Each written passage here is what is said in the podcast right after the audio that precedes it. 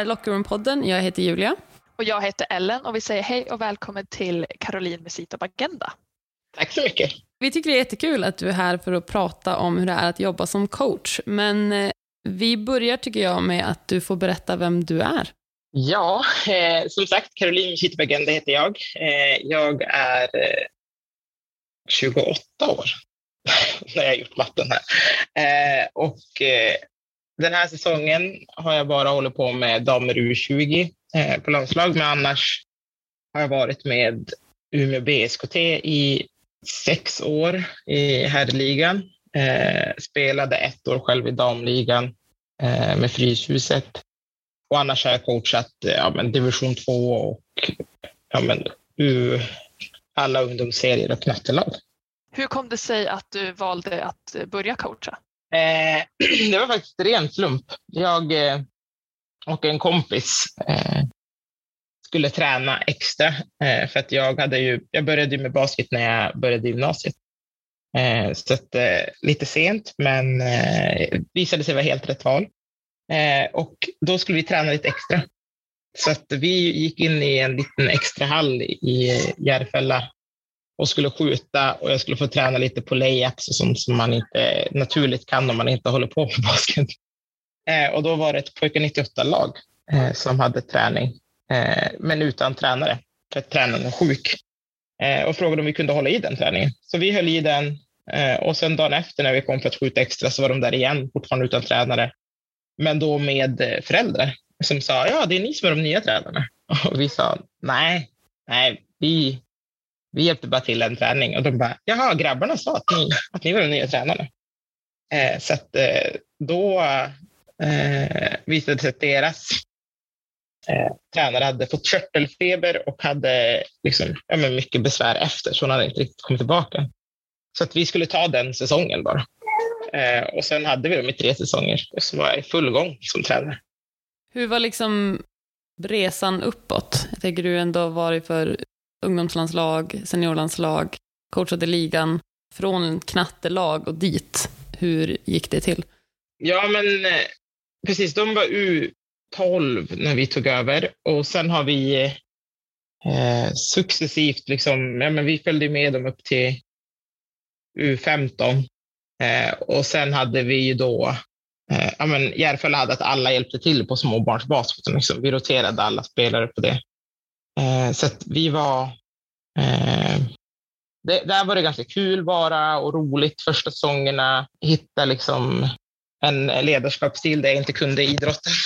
Tidigare hade jag hjälpt till med målvaktsträning för lillebrorsans fotbollslag. Liksom. Men nu var det som lite annat, planera matcher och liksom, eh, lägga upp träningen för hela säsongen. Och sen mitt sista år i Järfälla så blev jag frågad om jag ville vara assisterande i division 1 med herrarna. Eh, och då var jag ju 17, jag skulle bli 18 den säsongen. Men då var jag, jag kände inte att jag var redo. Eh, division 1-herrarna då var ja, men, tre år äldre än mig i snitt typ och ja, men, 21-åriga män är inte alltid de lättaste att handskas med om man är yngre än dem. Eh, och då hade jag ändå vänner i det laget och de var typ så här, eh, nej, nej men du kan inte, men du har ju knappt hållit på med basket. Typ. Alltså, vi såg dig lära dig göra en layup typ, nyss. eh, men den tränaren var ganska på och var typ så här, men jag tycker ändå att liksom, det vore rätt. Eh, men jag tackade nej då. Eh, sen flyttade jag upp till Umeå för att plugga. Eh, då såg jag en 16 match eh, och såg att eh, de var bara en, det var bara en tränare där och frågade om de ville ha hjälp. Eh, och då har jag ju alltid varit i klubbar där, eller städer där det finns dam och herrliga eh, på något sätt. Men jag tänkte aldrig på att jag skulle elitcoacha. Så det var inte, det var inte riktigt i mina planer. Eh, jag tänkte att jag började lite för sent kanske för att kunna nå det. Sen spelade jag i Fryshuset en säsong. Då hade jag säsongen innan haft division 2, division 3 herrar och U19. Och då coachade jag inget och så saknade jag det och var typ så här. Ja, men jag gillar att coacha och då hade vi ju lite. Vi bytte ju coach mitt i säsongen. Eh, så att, eh, ja, Alltså jag var ju ingen stjärnspelare så jag satt ju mycket på bänken. Så att, eh, då fick jag hjälpa till lite och prata lite planeringar och liksom spel och sånt och ge förslag under matcherna. Och så tänkte jag så här, jag bara, men jag älskar ju sport. Om man kan göra det här på heltid så, så skulle jag gärna göra det. Eh, sen när jag flyttade tillbaka till Umeå så skulle jag ha division 2 i samarbete med eh, ligan. Vi var en egen förening, men vi skulle ha ett samarbete med herrligan. Och sen mitt i den säsongen så kommer en av de som satt i styrelsen för Umeå BSKT ner på en träning och så säger han, vi tycker att det vore kul om du ville vara med som assisterande i herrligan. Och jag bara, mm, mm, ja, jo, det kanske hade varit kul. Men jag var lite så här, ah, kände typ lite samma som första gången jag blev frågad om att vara i ett herrlag eh, där folk var äldre än mig. Att jag bara, mm, är jag redo? Blir det kul? Eller blir det bara jobbigt? Vad var det som gjorde att du tvekade? Var det att det var just herrar, att du kände att de kommer ifrågasätta dig för att du är kvinna? Eller för att eh, du kanske inte hade lika mycket erfarenhet som de andra? Eller vad var det som gjorde att du, att du kände så? Alltså egentligen mest att jag var kvinna och det fanns inga andra. De fanns knappt i damligan. Alltså, det var ju typ i samband med att det började. Man hade ju en peak där när EOS hade en kvinnlig coach och Tamara var på Gotland. Alvik hade Jurgita. Alltså, så det var några ändå. Och Malin var fortfarande i Luleå det var ju typ alltså, piken på antalet som kunde coacha samtidigt och då var ju de här headcoaches allihopa. Men även där, utöver att det inte, jag inte såg så mycket Alltså där såg jag kvinnlig representation, men jag såg inte riktigt någon intersektionell representation. Och jag kände att, eh, att eh, de var också alla, alltså typ decenniet äldre än mig eller äldre. Att så här, den, den trippel intersektionaliteten, den kändes svår. Alltså att bli, kunna, kunna bli ifrågasatt för att jag är ung. Okej, okay, jag skulle ändå inte vara headcoach, men jag skulle ändå liksom ha en roll och jag tänkte att um, ja, men lite så här, går jag in i det för tidigt så kanske jag förstör mina chanser i längden. Och vad händer om det är, eh, om någonting sker? Liksom, vem har min rygg eller är det bara jag som har min rygg? Ja, alltså, ja, intersektionalitetsperspektivet var ju, alltså, tyckte jag, eh, och det, det, tycker jag fortfarande är lite problematiskt, för det är ingen som tänker typ, på intersektionalitetsperspektivet. Alla tänker ju på att man är kvinna. Och så var det ju bara två sen tidigare som hade varit assisterande. Eh, och det var ganska långa gap i tiden mellan och nu hade det gått ytterligare ett decennium eh, sen Jurgita var i Solna liksom, in, till att jag skulle upp. Och hon var ju, var det två säsonger. Och så tänkte jag, men vad, vad, vad gjorde att hon inte var kvar utan bytte? Men hade aldrig möjlighet att liksom diskutera det med henne. Um, så att ja, ja men mest det. Eh, min, min liksom kunskap. Jag var typ så här, men de hade ju Micke Blomqvist och Jesper var ju, Jesper var huvudtränare, Micke Blomqvist var assisterande. Jag bara, tillsammans hade de så jävla mycket erfarenhet och jag hade aldrig kunnat ha lika mycket erfarenhet för jag är 20 år yngre än Micke Blomqvist.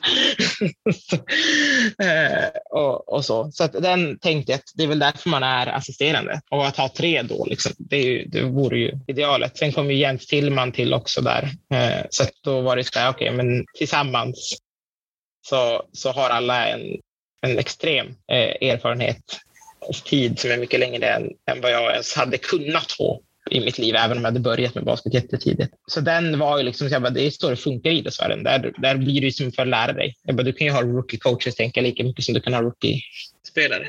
Den delen var faktiskt inte så, utan det var mer att jag var orolig att jag skulle bli ifrågasatt. Eh, men det är mycket snack om att det är jätteolika eh, att coacha kvinnor och män eh, och pojkar och flickor och jag har ju bara varit på killsidan i och för sig. Jag var mer orolig för att saker som sker inte skulle ses som att det var för att jag hade för lite erfarenhet utan för att jag var kvinna. Det känns ju som att generellt så om man är kvinna och coach så antas det nästan att man ska coacha kvinnor. Medan för män, det är ingen som ifrågasätter om det är en man som coachar kvinnor. Men är det en, en kvinna som coachar man, då är, det liksom, då är det det du är. Att wow, du är liksom kvinna som coachar män. Men varför ska det vara något liksom helt revolutionerande egentligen? Ja, alltså jag kände också så här 20, jag ska säga, vad blir det, så 2016 är det som jag tar den tjänsten. Eh, och då kände jag också typ så här, det här kan inte vara, det är omöjligt att det bara varit två.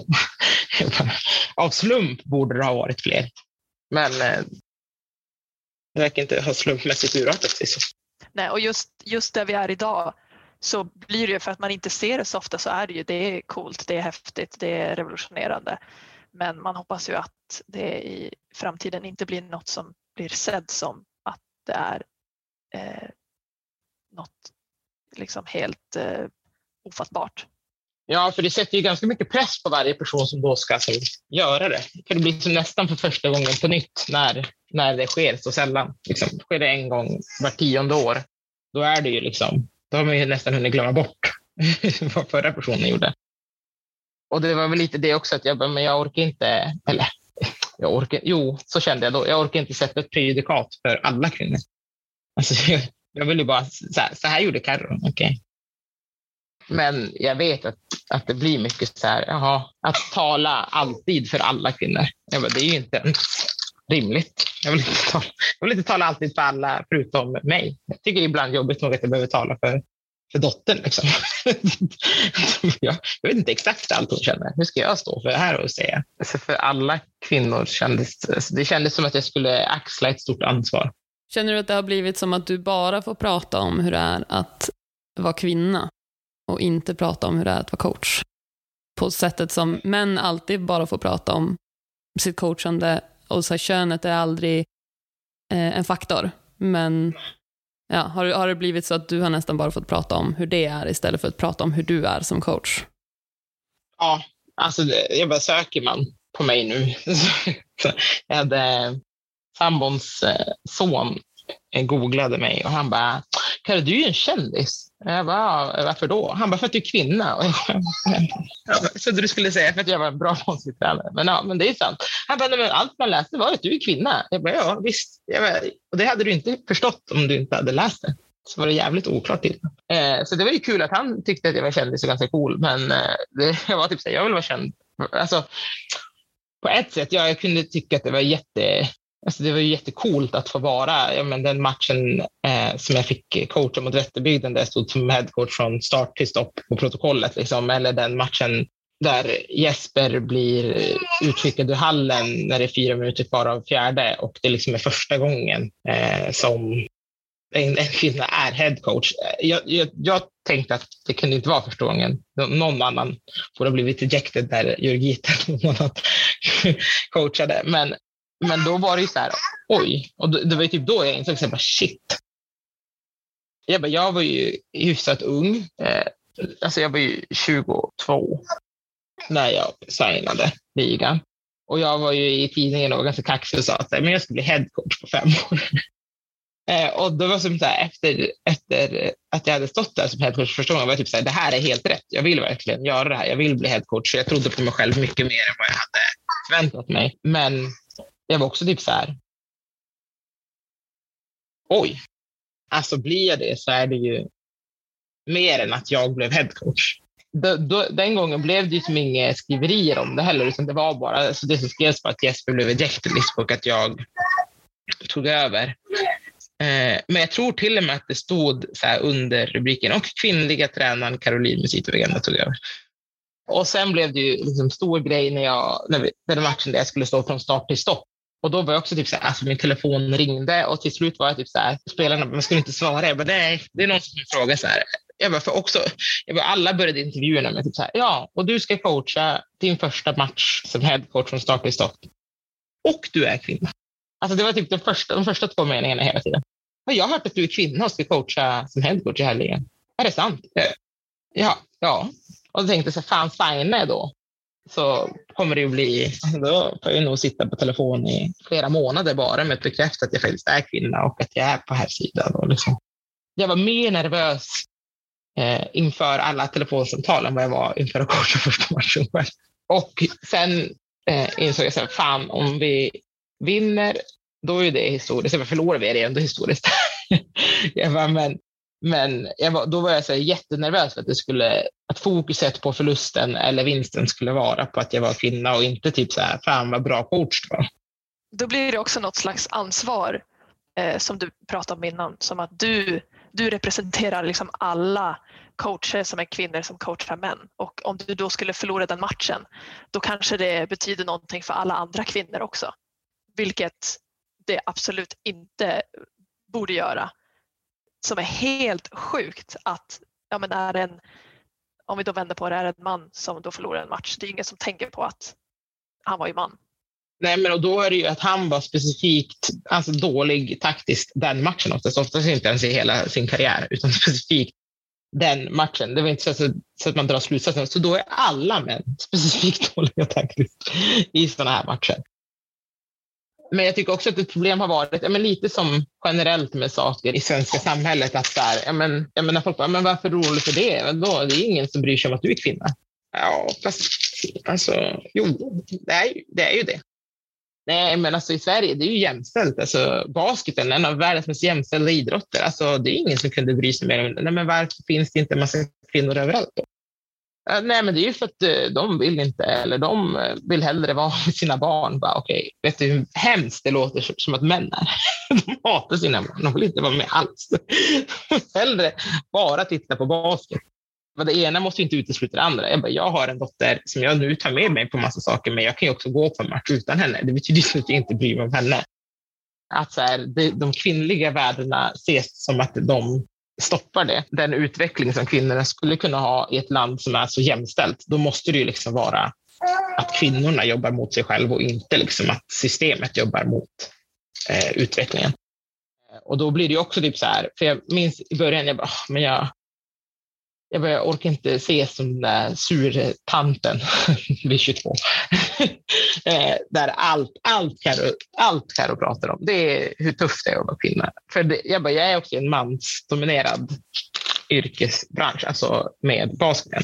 Jag bara, för fasen, till och med som sjuksköterska så ses det som att vi klagar för mycket om att kvinnor har låga löner och vi är kvinnodominerade. Så hur, om vi då går in i en mansdominerad bransch, hur, hur ska jag få ihop det? Jag vill inte att det skulle vara liksom ja, men Kalle, du fick chansen, allt du gjorde var att, att klaga. Fast det är inte klagomål. Men jag, jag kan förstå känslan, men det är ju det är så sjukt att det ska behöva ses som klagomål också. Alltså ett jättestort problem med att ta argumentet att basketen är så jämställd. Det är jättepositivt att den är det och jag tycker att det är värt att lyfta, men man måste också akta sig, för baksidan av det blir att man tillskriver kvinnor i samhället mycket mer makt än vad de faktiskt har. Och då um, då tar vi ett steg tillbaka istället för att ta ett steg framåt. Och det måste man vara jättenoga med. Så här, ja, basketen är jämställd sett till, jag tror att det är främst unga utövare. Där är vi nästan 50-50 och det är jättepositivt. Men hur tar vi den poolen av 50-50 pojkar och flickor och ser att det blir en representation uppåt? Hur får vi in dem i styrelserum? Hur får vi in dem på ledande positioner? Hur får vi in dem på coachpositioner? Därför att Först då kan vi ju säga att basketen rakt igenom är jämställd. Men det är ju bara att kika så snabbt på herr och damligan, högsta ligorna nu, sett till coacher. Och så ser vi att det inte är jämställt. Och sen ser vi på ungdomslandslagen, eh, på dam och herr, eller på flick och pojksidan. Och då ser vi också att det inte är jämställt. Och hur kan vi då säga att basketen är jämställd? om vi bara ska titta på en liten, liten bit av den. Och om vi sen inte lyckas få den jämställdheten att fortsätta leva vidare, vad behöver vi göra då där nere, om man ska kalla det det, på ungdomsnivån, för att det ska fortsätta uppåt? Också där, ah, okej, okay, men då säger folk så här, men titta på hockeyn. Och så bara, mm, men hockeyn, eh, ja, de är ju obviously inte Men de får ju så mycket kritik, så de måste ju jobba med det. Alltså, de, har inte, de kan inte sitta och säga någonting. Hela SHL har Pride Week. Jag bara, basket har inte det, för här allt är jämställt. Allt är bra, alla får vara med. Alltså hela här, svenska hockeyligan för herrar har speciella ställ de använder under Pride Week. Domarna har, de belyser saker. Varje förening måste jobba en viss mängd med liksom hur vi ska öppna upp och liksom hur det ska vara tillåtande. Alla. Basketen, ja okej, okay det finns många som är eh, öppna med sin sexuella läggning på damsidan, men det är inte som att vi har en överrepresentation på här sidan. Hockeyn gör det ju inte för att det inte finns några kvinnliga utövare som inte vågar komma ut och säga att men jag, jag, är, liksom, jag är den jag är. Utan det är ju för att på herrsidan finns det inte tillåtelse. Vad jag vet har vi ju ingen öppet homosexuell eller transsexuell spelare på herrsidan. Fotbollen nu hade ju Anton Hysén, alltså det var ju jättestort att Anton gick ut och bara, bara det här händer ju inte inom manligen. Jag bara, hur jämställda kan vi vara om vi inte ens kan jobba med de frågorna för att vi har det så jämställt? Och det är ju också ett problem i svenska samhället, men folk har rättigheter här. Jo, men vi marscherar fortfarande för, för lika lön. Alltså, vi har inte kommit dit. Sluta. Ja, folk har rättigheter, men också nej. Ja, men vi kan bli bättre. Alltså, då kan folk ja, men du hade ju kunnat vara kvinna någon annanstans. Ja, men det kommer ju alltid finnas olika rum eh, där man som kvinna eller homosexuell eller vad det nu handlar om, där man har det bättre och sämre. Men det handlar ju om att skapa rum där alla känner sig trygga och miljöer där man kan få vara den man är och inte blir ifrågasatt för att man är kvinna. Och jag tänker, ska man leva efter devisen att det hade kunnat vara värre, ja men då hade inte kvinnor i Sverige haft rösträtt nu, därför att då hade vi varit nöjda med att vi inte brändes på bål för att vi kanske var häxor. Alltså det går som inte, det är helt orimligt att tänka så. Ja, det är klart det kunde varit värre. Men kan vi inte fortsätta jobba framåt då? Vi har nått hit, men det finns en väg att gå. Och Jag tror också att bara för att man kritiserar någonting och tycker att någonting ska bli, ska bli bättre betyder det inte att man liksom inte uppskattar den resan som har gjorts.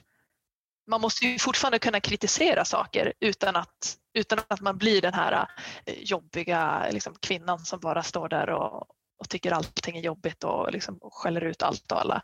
Mm. Exakt, du kommer få kritisera också. Det går bra.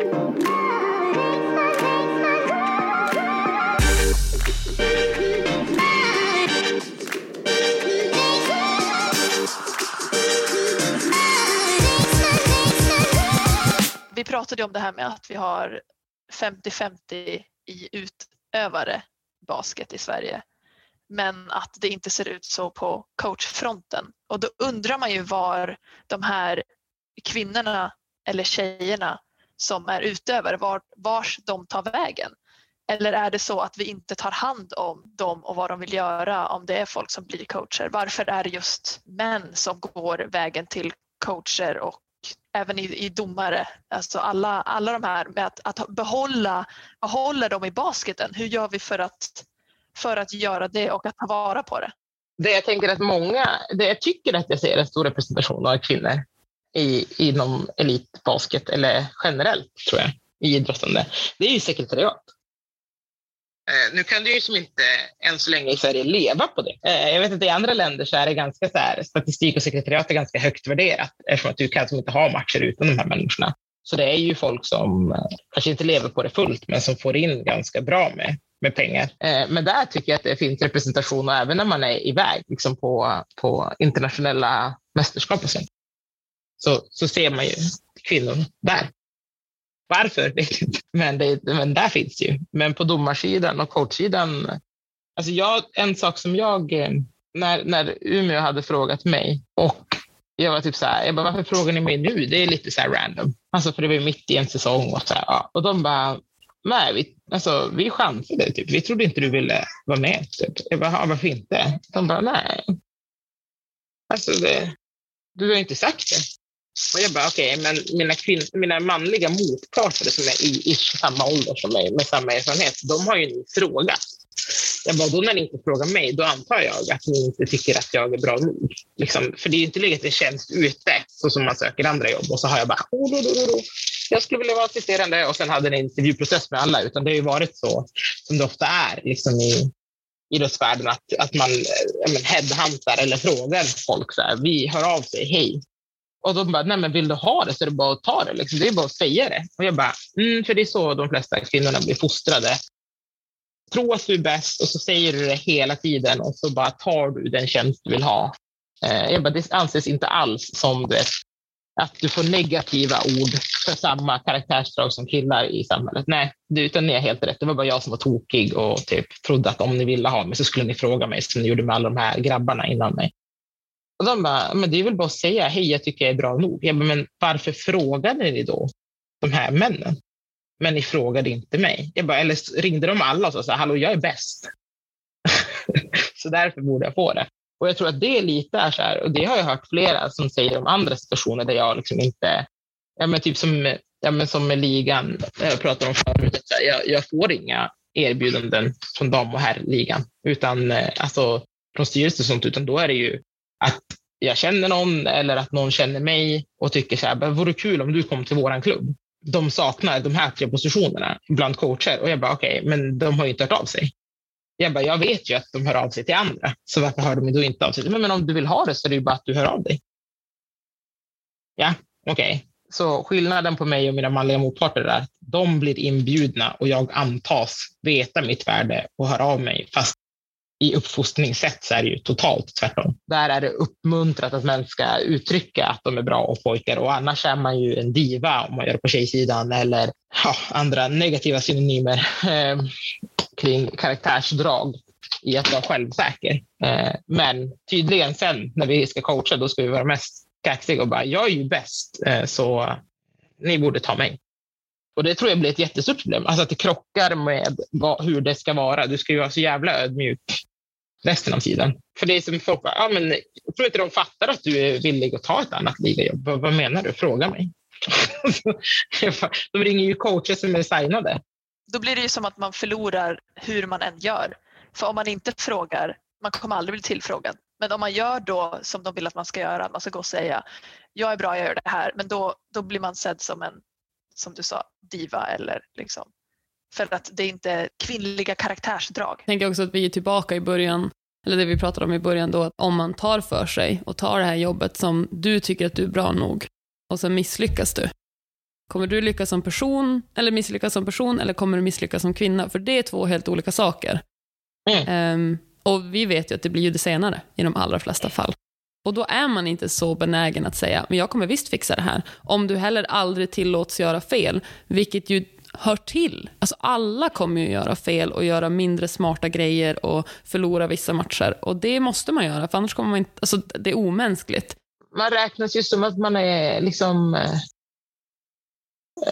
alltså som att man, man tar bara kalkylerade risker. Medan alltså, unga män de förväntas ju vara lite så här, ja, men han, han hade självförtroendet och de kommer lära sig och när de blir äldre. Och, eh, men på något sätt så ska man som veta bättre. För jag kan ju ofta höra så här, ja, men vad bra att du, eh, det vore bra om du kunde coacha med den här, för han behöver lära sig hur man eh, pratar med kvinnor eller hur man gör Alltså så här, som att jag ska bli en liten organisatör och administratör om jag joinar den här staben och inte där för mina, alltså ibland också för coachsakerna, bara så här, han behöver lära sig mer om spel. Men var, alltså, jag hade köpt det om jag var alltså, äldre, hade gjort min elitkarriär och typ inte riktigt ville vara headcoach längre utan behövde, alltså, någon behövde någon mentorskapsroll, för så är det ofta alltså, inom idrotten. Att man ska lära i nästa generation. Men att jag ska lära män som är jämnåriga som mig hur de ska hantera damlag för att jag ska Alltså vadå, så att jag inte får chansen sen? De kommer ju coacha i några år. Inte vill jag, alltså, det är klart jag vill hjälpa till att utveckla sporten, men jag vill också få min chans. Om den då är baserad på att ja, men du är kvinna, så du kan ju lära dem hur de ska göra med en grupp kvinnor. Nej, men då kan jag vara headcoach, så kan de se. Alltså för det, eh, på damsidan också blir det en signifikant löneskillnad om du är headcoach eller om du är assisterande. Och då ska jag då göra en av de viktigaste nyckelpunkterna Alltså för att kunna få ihop ett lag, kunna kommunicera, kunna få laget att driva åt samma håll. För att du är, ja men du vet, de är unga män och det, de behöver lära sig. Ja, men gå och lär dig någon annanstans. Eller lär dig av mig när jag har headcoach-rollen. Och då kan folk vara typ så jo fast vi erbjöd visst dig saker. Ja, ja ni erbjöd mig att barnvakta någon. Och jag, det tycker inte jag att jag ska behöva göra. Är de bra nog för att vara headcoaches i ligan, då måste det ingå att de kan prata. Annars får de vänta tills de är 30 plus och kan få chansen att vara det på här sidan om man nu inte behöver någon form av pedagogik eller gruppsammanhållning där av oklar anledning. Jag har också upplevt att när den här frågan kommer på tal, att varför finns det inte fler kvinnliga coacher? Eh, och varför finns det så många manliga coacher? Så är det väldigt sällan man faktiskt har frågat de kvinnliga coacherna varför ni tror att det inte finns fler. För att ni om någon sitter ju på facit av de svårigheter man stöter på när man är underrepresenterad och också så när normen är manlig oavsett vilket kön du coachar. Jag har hittills aldrig sett någon faktiskt ställa frågan. Och det hade väl inte varit helt otänkbart att också kanske göra, alltså det är så torrt som det må vara, men en enkätundersökning med de kvinnliga coacher som finns. Vad behöver vi förändra? Är det kulturförändringar? Är det förbättringar? Är det, vad, vad behöver vi fixa så att de tjejer som vill satsa på en karriär som coach när de blir äldre faktiskt vill vara kvar? För det där är ett problem på jättemånga arbetsplatser där man säger så här, vi har dålig könsfördelning, så den ska bli bättre. Ja, men alltså, det, det är mer än att bara säga att du vill göra det. Jo, men och sen tycker ju folk att de är duktiga. Vi har ju uppmärksammat det. Och vi säger att vi vill ha en annorlunda situation. Och då borde väl kvinnor förstå att de är välkomna. Ja, ja. Men, men en del är ju också, men som jag sa i början, att så här, jag bara, om någonting händer, vem, vem är beredd? För det tycker jag ofta, så här, ja, allt när man jobbar med, ja, man ska ha mångfald och man ska ha jämlikhet, man ska ha jämställdhet och alla ska vara där och det ska bli kul. Okej, okay. och så lyckas man rekrytera någon som representerar någonting av det. Och så bara, okej, okay, men eh, vad är eran, eh, vad är eran värdegrund och vad har ni för riktlinjer om någonting sker? Så bara, va? Vi vill ha fler kvinnor. Ja. Men om, om någonting sker, om vi har en spelare som behandlar coachen annorlunda eller någon som jobbar runt laget annorlunda för att de är kvinna. Om vi har en incident eh, där någonting sker. Eh, om, om, om det sker någonting med ett motståndarlag som sker på grund av att man är kvinna. Vad är, alltså, vem, vem vänder vi oss till? Och vem ska jag gå till? Eller en sån sak som att ni hade ju intervjuat Peter eh, Rung eh, om det här med att tillhöra ett lag och alltså allt från liksom rookie systems och allting. Eh, det var ju också någonting som jag tyckte var extremt jobbigt när jag skulle komma över på, alltså till eh, seniorverksamhet på här sidan. Det är ett helt annat, oftast eh, rookie-tänk och initieringarna är grövre och de liksom och då ska jag då som ung kvinna eh, säga så här, jag tycker inte det här är okej. och sen ska det vara att jag inte bara, mm, det är bara för att du är kvinna eller mm, men alla, alla tycker det är kul. Mm. Ska jag strida för den saken? Men har jag, hela, har jag hela föreningen bakom mig när jag strider för den här saken? Annars kommer jag ju inte strida för den saken. Och då kommer det också vara typ så här, ja, jaha, så du, du som kvinna, du lät det här ske i föreningen. Kommer det vara på mig också? Alltså, det var inte så att vi alla såg det, utan då bara, ja, men kvinnor vet ju bättre. Och typ så här, men det är på ditt ansvar. Du måste ju säga till. Okej, okay, men vi är en stab på sju ledare. Varför var det på mitt ansvar att säga till? Alltså, är det för att jag är kvinna? Nej, nej, det är för att du är mest mogen. Okej, okay, men jag är ju yngst också, så det går inte ihop. Då måste ni steppa upp med resten. Det kan inte vara, kan inte vara så. Och då går vi liksom tillbaka till hur det var när man var liten och var i skolan och som jag blev satt mellan två stökiga killar för att jag skulle hålla koll på dem. Att det här är någonting som tjejer och kvinnor har gjort alltid. När ligan erbjöd sig, jag bara okej, okay, men Umeå kände jag första året de erbjöd, det var verkligen inte, kände jag inte för att det var att det var en kvinna, liksom. utan det var att de hade sett mig så länge. Jag tyckte det var lite konstig timing. Eh, men de tyckte också att jag hade egenskaper i gruppdynamik och liksom i sociala förmåga som skulle gynna gruppen. Men sen, alltså så här, allt annat, seniorlandslaget, eh, när jag fick erbjud, det erbjudandet, är det här för att jag är kvinna? Är det för att jag är en svart kvinna? För det ser jävligt bra ut. Det finns mycket pengar att håva in just nu eh, med att man vill jobba med, med mångfald och intersektionalitet och jämlikhet. Det blir som att så här, jag, bara, men jag vill ändå ta chansen när jag får den. Men jag vill inte, alltså ganska länge var jag så här, jag bara, nej, jag skulle aldrig vilja bli inkvoterad någonstans. Men nu är jag typ så här, ja, vet du vad? Inkvoteringen finns för en anledning. Eh, för att män har bara kvoterat in likadana män hela tiden. De har ju struntat i ofta liksom vad, vad som krävs. Utan det här var min kompis jag visste det skulle vara kul att jobba med. Eh, och för att bryta det så behöver man kanske kvotera in folk. Men jag vill inte heller att folk säger så här, fast hon är ju bara här för att det ser bra ut. Nej, och det jag tänker det vi ska tillägga då så folk vet att du coachade ju herrar men blev erbjuden jobb i damlandslaget. Det är ju anmärkningsvärt. I klubb har jag aldrig coachat.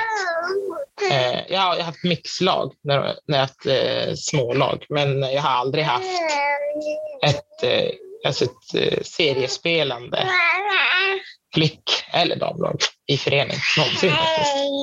Eh, och nu kändes det som att jag sa så här, för kvinnor är inget kul. jag vill bara starkt poängtera att det var inte det jag försökte få fram. Fast ingen tror det om herrcoacher. Ingen tror att herrcoacher väljer damer för att killar är tråkiga att vara med. Så varför ska du behöva känna så för att du valde att coacha herrar? Ja, men att, när jag bara, men jag har ju alltid gjort det, så därför, ja, men varför skulle du inte, jaha, så du tycker inte damligan är bra nog? Det var ju irrelevant. Va?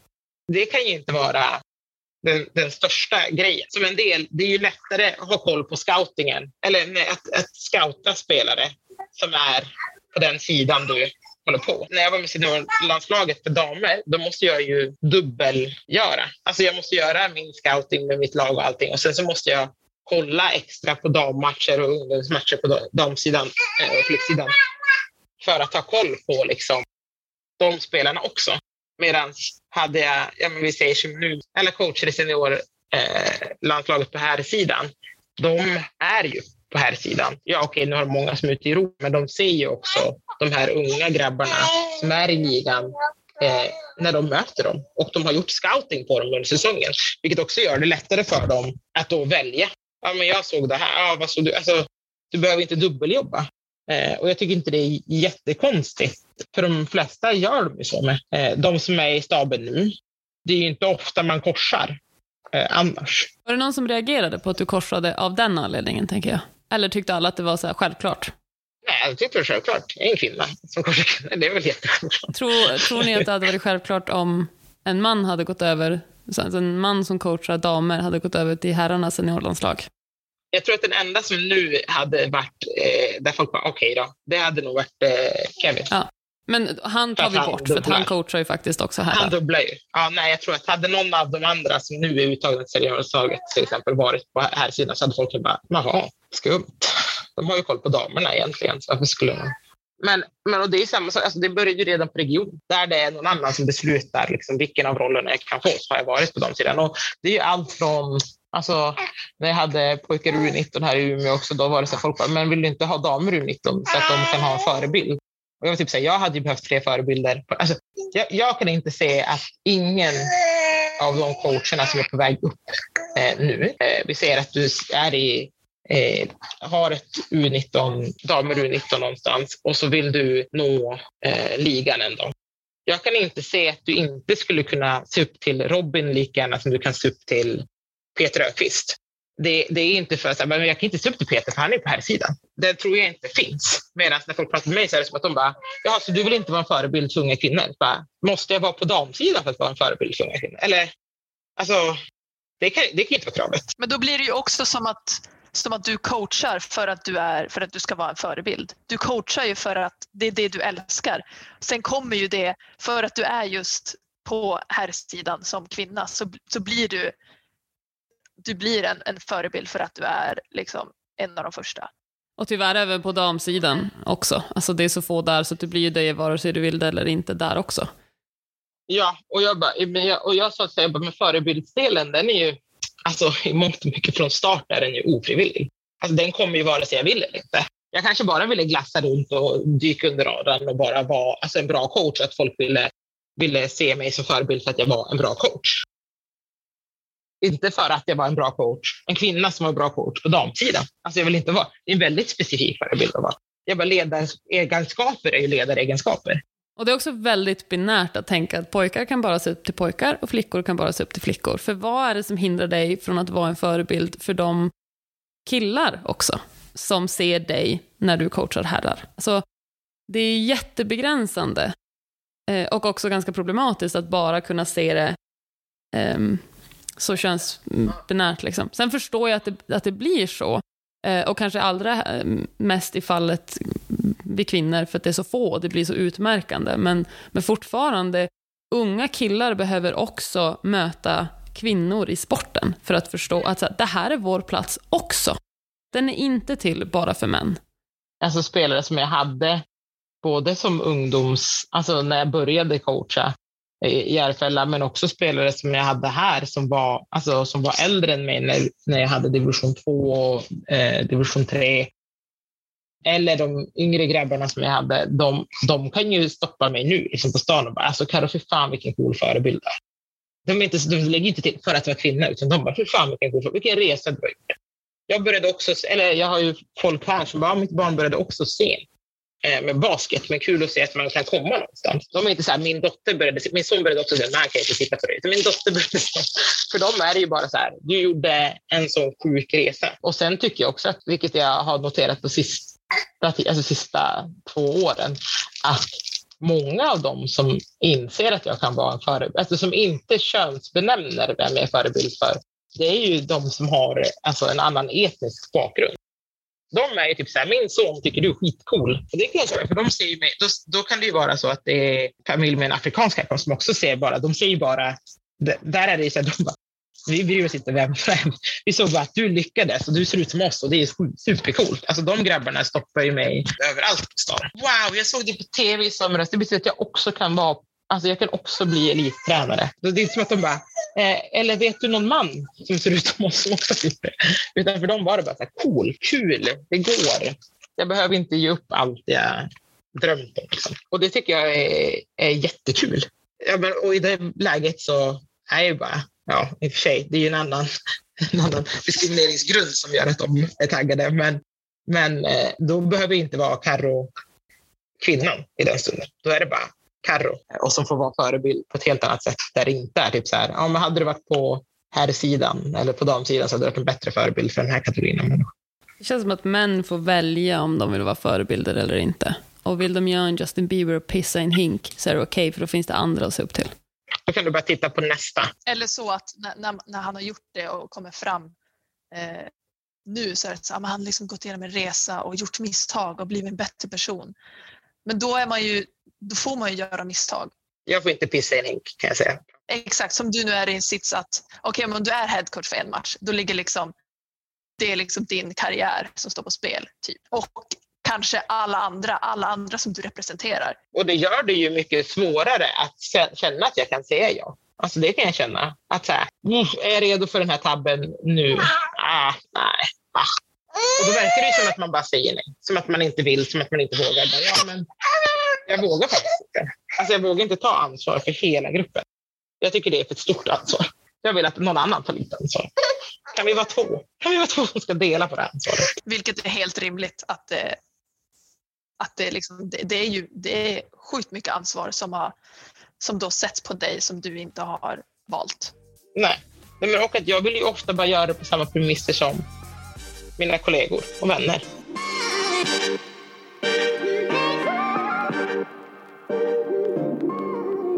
Men om vi ska prata lite mer om hur det är att jobba som coach inom basketen ehm, så tänkte jag att det kanske kan vara smidigt att börja med att bara fråga dig som har testat båda vad som skiljer en headcoach från en assisterande coach.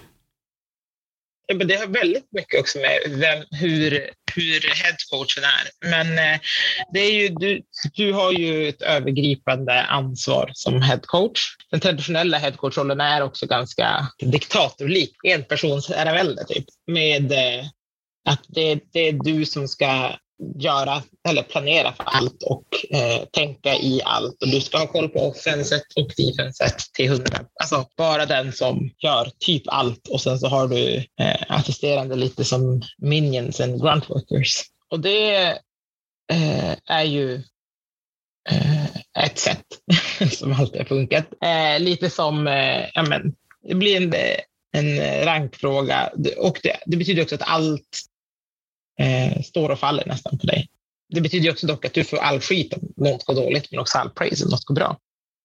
Eh, assisterande är ju därför att, alltså jag skulle nog säga att assisterande är för att, alltså jag har använt mest som assisterande för att eh, vara, alltså mycket, jag scoutar mycket, alltså gör mycket av eh, grovgörat, eh, klipper, skickar det till spelare. Eh, det, det är mycket att eh, jobba mycket precis med vissa saker. Ofta ställer vi upp det. Ofta ställer man upp det med sina assisterande. Alltså det är också stor skillnad om du gör det på ungdomsnivå eller seniornivå i och för sig. Men eh, jag tyckte att när jag coachade ungdomar, då var det inte så jättestor skillnad på vem som var head. men då var det inte så jättemycket scouting och sånt heller. Alltså det var ju mer träningsplanering och då gjorde vi allt, allt tillsammans. Liksom. Eh, sen ju högre upp du kommer, desto större skillnad blir det ju på en assisterande och en head coach. Som det ser ut just nu Eh, jag är ju lite säga, yrkesskadad kanske. Men jag tror också att det är lite min personlighet bara. Att jag vill att alla ska känna sig delaktiga och liksom att man har ett värde. Och då tycker jag det är lite svårt med den gammaldags eh, den gammaldags rollen av, av head coach. Som den som är, ja, men, alltså nästan som att man ser som att man är bäst på allt. Och det behöver man inte nödvändigtvis vara. Jag gillar ju sättet som hockeyn bland annat jobbar lite och som eh, amerikansk fotboll jobbar. Alltså att det, är det finns en headcoach eh, som kommer måste ta de tuffa besluten, för någon måste göra det. Men att det är, alla har ändå liksom en nyckelroll som de är ansvariga för. Du kan ju vara, men typ amerikansk fotboll så kan du vara defensive coordinator och i det så kan det finnas fyra stycken som är defensive coordinator för olika positioner idrotten med målvakt har ju en målvaktstränare som praktiskt taget alltid är headcoach för sin egna position. Liksom. Och då har alla ett ansvar, vilket jag tror också gör att alla presterar bättre. Det är jättesvårt tror jag som headcoach att vara bäst på allt. Alltså, tänk som person, att vara bäst på alla punkter. Alla har ju någon del i varje idrott som man brinner för mer. Eh, så jag är ju för en liten, ja men som i sjukvården, alltså det finns en sjuksköterska Eh, det finns en läkare som har det absoluta ansvaret och så finns det sjuksköterskor och så delegerar vi ut saker och liksom, eh, det blir som ett kollektivt ansvar även fast det är en person som måste ta beslutet i slutändan om det blir någonting där det är typ så här, ah, nej, här måste vi besluta. Det känns som att basketen går mer mot ett sånt tänkande. Men nu i landslaget när man kör på en, en stab där man har olika roller istället för att det är en headcoach och sen har vi assisterande som bara tar hand om scouting. Mm. För då får man ju ut mycket av alla och alla får ut det de är bäst på. Ja men precis, jag är bäst på defense. Liksom. Och jag kommer ihåg från college, då hade vi alltid vi hade en coach för varje position. Liksom. Så att alla posts hade en coach som de jobbade med dagligen på träningar och hade, körde liksom post moves medan point guardsen hade en och eh, forwards hade en. Och det är ju ett jättebra sätt att utveckla alla. Jo, men sen tror jag att det är vissa som är bättre. Alltså, vissa är ju, alltså, det har man ju sett för också, vissa är jävligt bra träningscoacher men är ganska katastrofala på match. Alltså, jag vet inte om det är pressen eller vad det än är. Eh, vissa saker är man bara inte bra på, men att man då inte ska få liksom kunna ha en hyfsat betydande roll i de resten av segmenten är egentligen helt sjukt. Att jag är jättebra på defense, men för att jag inte är kanske den snabbaste i besluten på match så får jag inte så betyder jag nästan ingenting. Då får jag som sitta med en annan del. Jag tror att det är rätt väg att gå. Sen behöver man ju headcoach eller matchledare eller vad man nu vill kalla det som kommer ta liksom, tuffa beslut i matchen eller tuffa beslut i träningarna, alltså i säsongen, så att man inte hamnar i det där rummet där alla bara sitter och säger saker men ingen vet vem som ska besluta det till slut. Och i alla lägen är det faktiskt inte, tror jag, bäst att, att man bara kör rent demokratiskt och röstar på allting. Eh, för att om inte jag har så bra övergripande koll på resten så kanske jag inte, det kan bli fel för att jag kanske bara röstar på något annat än faktiskt den kunskapen som behövs i den stunden. Sen tror jag att det finns en viktig nyckelroll i att ja, men när man är på väg upp att få vara headcoach med erfarna assisterande. Alltså som har varit headcoacher för att kunna ha ett mentorskap, en trappa liksom. Där man har folk man bollar med så att man också utvecklas eh, själv. Jag tror att det är tufft att bli headcoach och sen så får du bara en massa nya unga assisterande som du ska eh, lära upp. För att jag tror aldrig man blir riktigt helt färdig. Om det, alltså alla andra yrken så handlar det om att man ska hålla sig ajour med liksom nyaste rönen för att kunna göra det så bra som möjligt. Och det, det tror jag händer med idrotten också.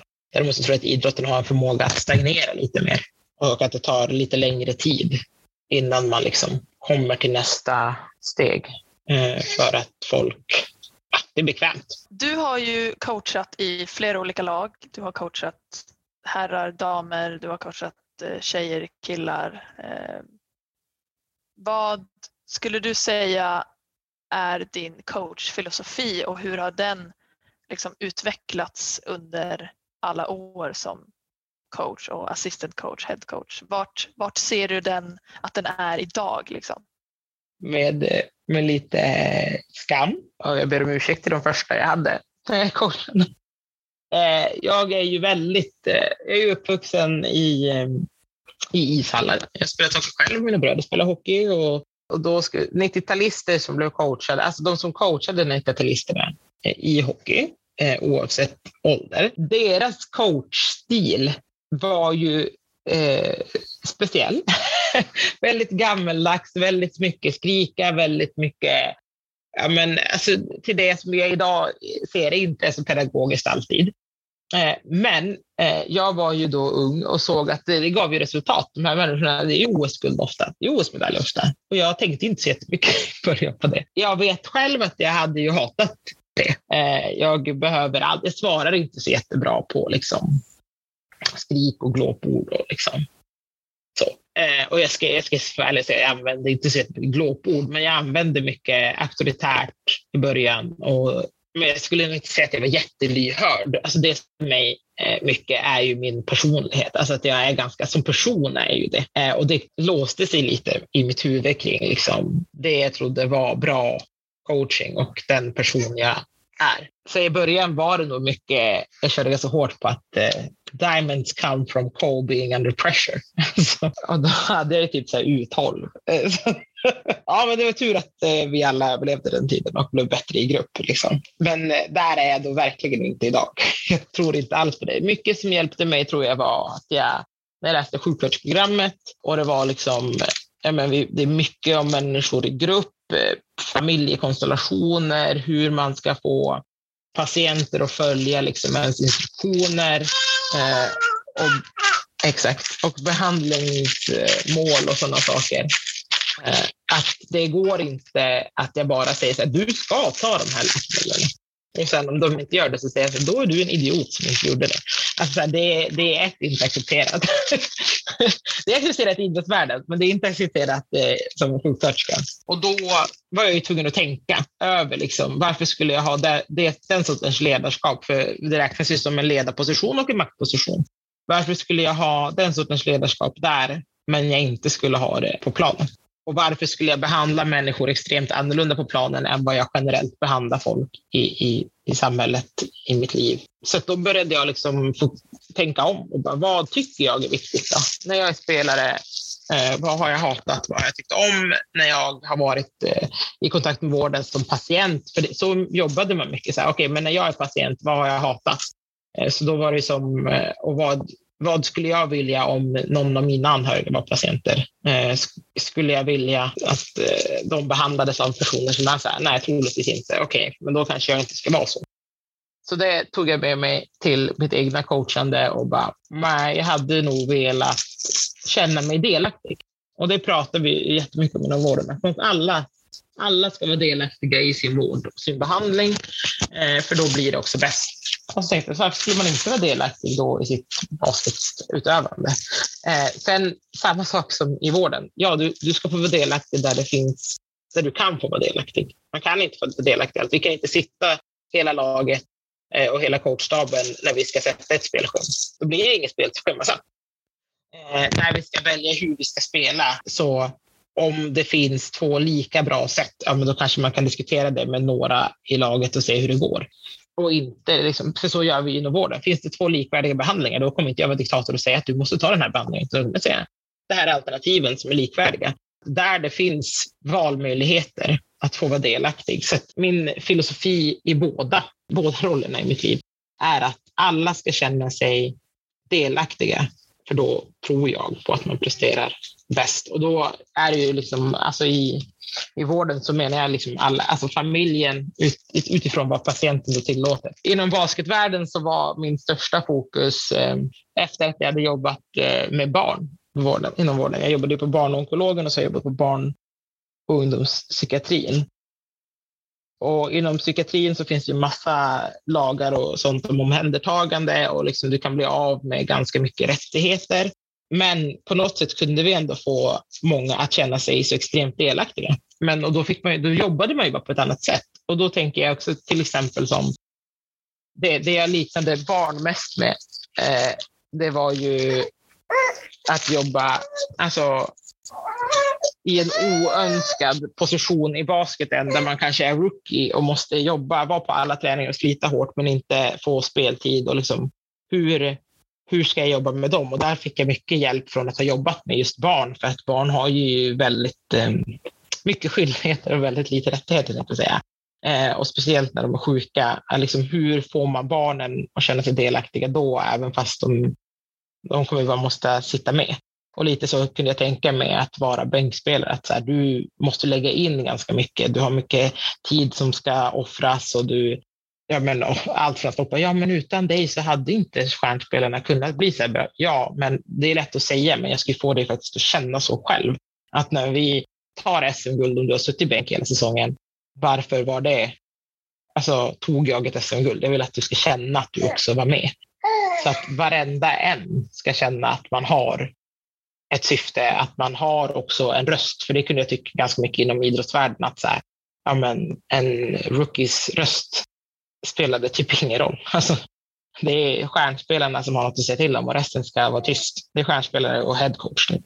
Och jag tycker att ja, vissa saker igen kommer man inte kunna välja, men där man kan få vara så delaktig som möjligt tror jag att alla mår bra av att få vara delaktig.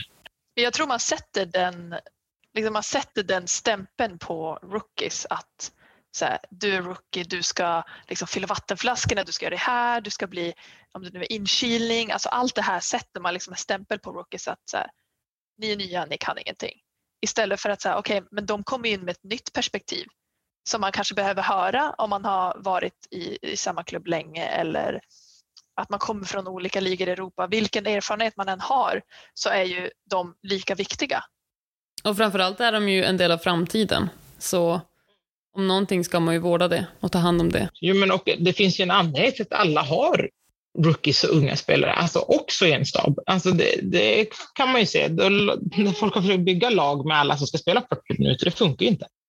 Om alla ska spela 40 minuter, vi kan inte ge alla 40 minuter. Då blir det ju en helt annan konflikt. Och, och som coach, du kommer inte kunna korrigera det. Alla spelar 20 plus minuter i sitt landslag, man kan inte spela 40 minuter här. Även, alltså, det, det, det går ju inte.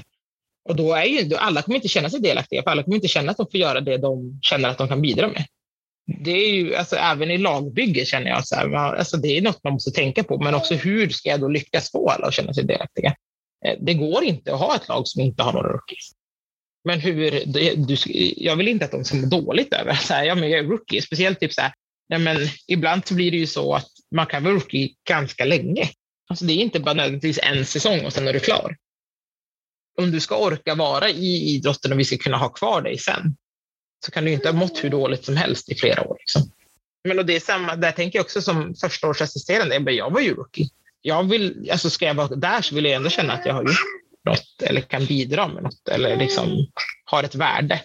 Inte bara att så här, vi var tvungna att fylla ut en plats eller vi måste kunna ha tio på bänken, alltså tio när vi reser så att därför måste du följa med eller du var bara, det var så billigt att ha dig. Så att, jag tvungen för mig har det varit jätteviktigt. För det är samma som du säger med perspektiv och, och, och även om man är ny. Liksom. Jag menar, jag, kom ut, jag var klar som sjuksköterska när jag var 21.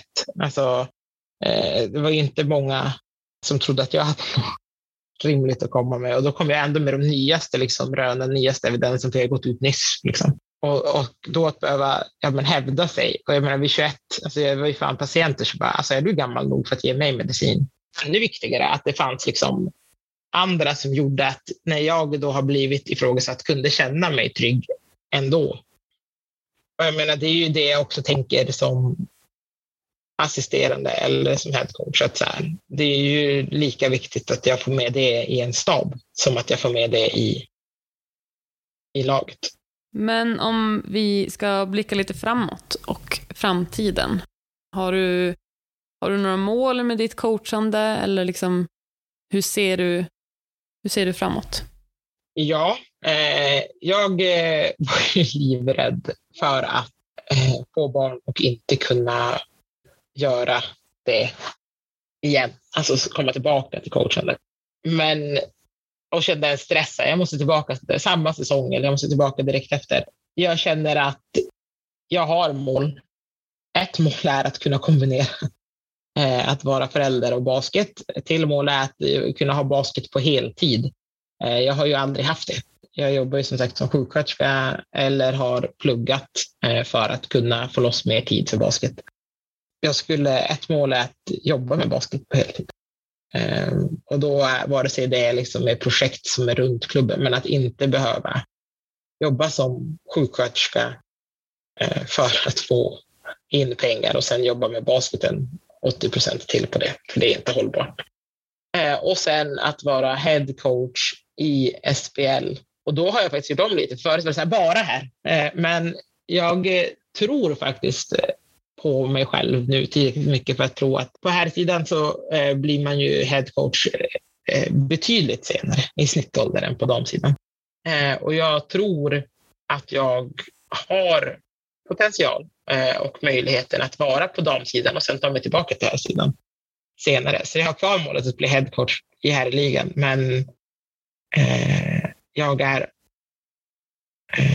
inställd på att vara i damligan först. Faktiskt. Jag tänker att kan man normalisera, kanske ett stort ord att använda i sammanhanget, men skulle det vara mer eh, acceptabelt att gå mellan damer och herrar så har vi en så mycket större coachingpool. Det borde ju gynna basketen att man kan variera. Och jag tänker också att ju fler situationer du är i, oavsett om du är spelare eller coach, så kommer du utvecklas. Du får nya perspektiv, du får fler insikter, det blir liksom en, din palett blir större. Och det kan inte vara negativt. Jag tror verkligen inte det. Nej, men jag har ju gått fram och tillbaka nu, så jag tänker ju att, att, att det borde inte påverka mig särskilt negativt. Jag, jag tänker att, för det var min rädsla förut, för det är väldigt få som går från dam till här. Men jag tänker att ja, jag kan väl vara den första annars ändå. Så det blir väl bra. Det har varit jättekul att få prata med dig, Karo. Eh, och vi ser fram emot vad framtiden har att erbjuda. Verkligen, tack så jättemycket. Men tack för att eh, jag fick eh, vara med. Och tack för att ni har en välbehövd och intressant podd. Tack.